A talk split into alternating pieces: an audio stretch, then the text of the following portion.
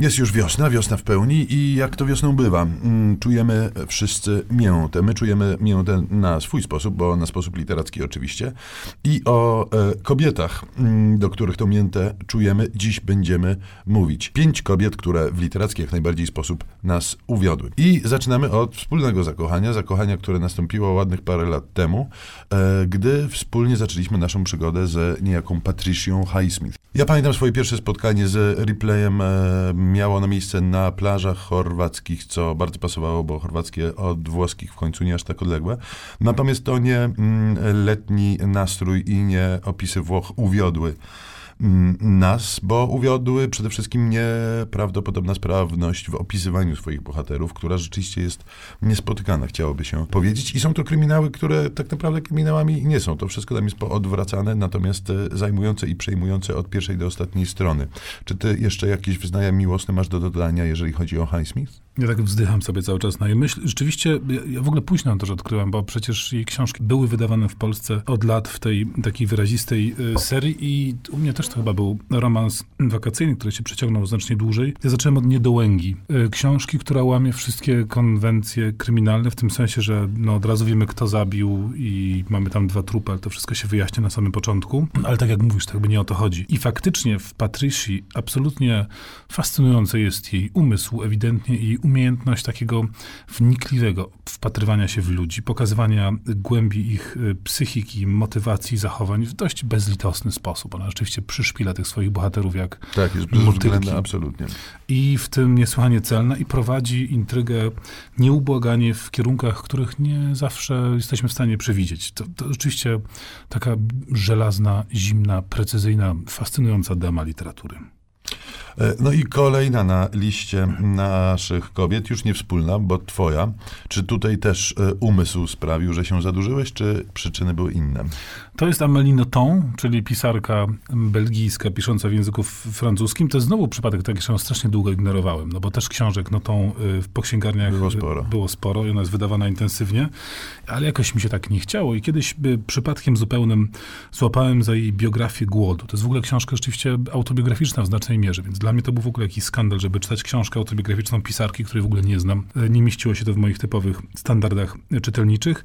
No i to rzeczywiście było uwodzące od samego początku, bo no tą opowiada o swoim życiu, a życie miała ciekawe, jako że ona była y, wychowywana w rodzinie dyplomatów, jeździła po świecie, była w, sporo w Azji, więc dzieciństwo rozgrywało się w bardzo egzotycznej scenerii. Azja, Stany Zjednoczone, jednocześnie w bardzo egzotycznym towarzystwie. No, dość wcześnie wpadła na przykład w nauk alkoholowy, w takim jeszcze wieku, bo spijała resztki y, drinków y, po przyjęciach, które jej rodzice organizowali. Jej To rodzice- znamienne, bo przecież Highsmith też była alkoholiczką, to chyba źle o nas świadczy. nie najlepiej. Ale z, z obydwu wyrosło, co jest bardzo interesujące. A no tą jeszcze, trzeba powiedzieć, ma y, przepiękne passusy poświęcone jedzeniu właśnie, bo ona opisuje swoją obsesję słodyczy. I dochodzi w tych rozważaniach również do takich bardzo wysokich rejestrów, mówiąc o tym, że absurdem było składanie ofiar bogom z ludzi, zwierząt i innych pokarmów. Czekolada to jest boski pokarm. Y, Uniesienie religijne następuje wtedy, kiedy podniebienie i język stykają się z kosteczką czekolady. Więc ona jest słodka, ale słodka w sposób, który nie ma nic wspólnego z takim obiegowym ym, skojarzeniem z tym terminem. Słodka, fascynująca i dość niepokojąca. A my po przerwie będziemy w dalszym ciągu się zakochiwać w naszych literackich wybrankach. Piątka z literatury. Wybierają Szymon Kloska i Tomasz Pindel z Instytutu Książki. Uniesienie wiosennym nastrojem miłosnym opowiadamy dzisiaj szczerze o naszych fascynacjach i zauroczeniach pisarkami. To prawda, że szczerze, acz e, niepełnie, bo ja miałem dość duży wybór, jak stanąłem przed półką z książkami, zacząłem przeglądać kobiety, nie którym się dałem. mon- monogamistycznie Nie, nie, literacki. nie, wręcz przeciwnie. I rzeczywiście lista była długa. Musiałem ją oczywiście ograniczyć i następna moja wybranka e, została wybrana chyba przede wszystkim za wierność, bo długo mi już bardzo towarzyszy. To Ursula Le Guin, która mm, od dzieciństwa z Czarnoksiężnikiem z archipelagu mnie mm, uwodziła. Później czytałem w jej przekładzie i bardzo sobie cenię i wracam do tego często to e, jej e, tłumaczenie e, Lao Tsego, a mam w ręce książkę z gatunku science fiction, dzięki któremu to gatunkowi jest chyba najbardziej rozpoznawana. Lewa ręka ciemności.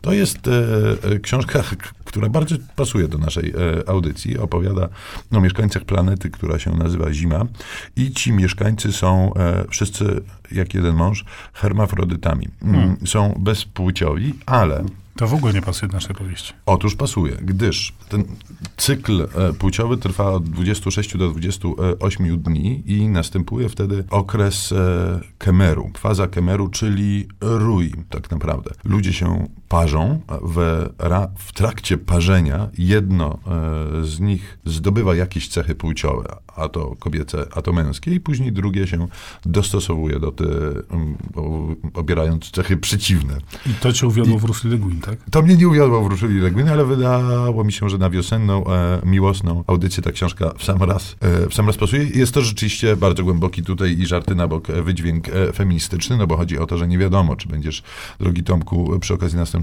kemeru, czy kobietą, czy mężczyzną. Nie wiadomo, czy grozi ci macierzyństwo, czy ojcostwo, które, jak wiemy, z mniejszą ilością obowiązków się wiąże. Więc jest to jakaś bardzo taka równościowa sytuacja. A to chyba się cieszę, że mieszkam na ziemi, na zimie. Kolejną fascynacją, do której ja się muszę przyznać, i to zupełnie świeżo, jest niejaka Dorothy Parker. Znana jako poetka, ale ja uwielbiam jej opowiadanie i zupełnie niedawno przeczytałem tom tychże pod tytułem Gra. To jest tylko dwa tomy, ukazały się po polsku i Gra lat temu niespełna dziesięć. Wcześniejszy był dawno temu. Parker jest absolutnie urocza i, i zniewalająca w sposobie, jaki podsłuchuje i portretuje ludzi, bo spora część tych opowiadań to są tak naprawdę tylko i wyłącznie dialogi osób. No zazwyczaj dwóch. Często to jest mężczyzna i kobieta, czasami dwie kobiety i poprzez to, jak rozmawiają, o czym rozmawiają, poprzez różnego rodzaju gierki i próby manipulowania drugą osobą, poznajemy charaktery tych ludzi. Parker jest bezlitosna. Czy widać, wyobrażam ją sobie, ona siedziała e, po knajpach, podsłuchiwała rozmowy ludzkie, potem bezlitośnie, złośliwie i celnie je e, portretowała, doskonale pokazując no, głupotę, pewne niespecjalnie wzniosłe motywacje i taką właśnie często zwykłą, codzienną ludzką podłość. Ktoś o takim uchu i takim oku jak Parker i takiej umiejętności przeniesienia tego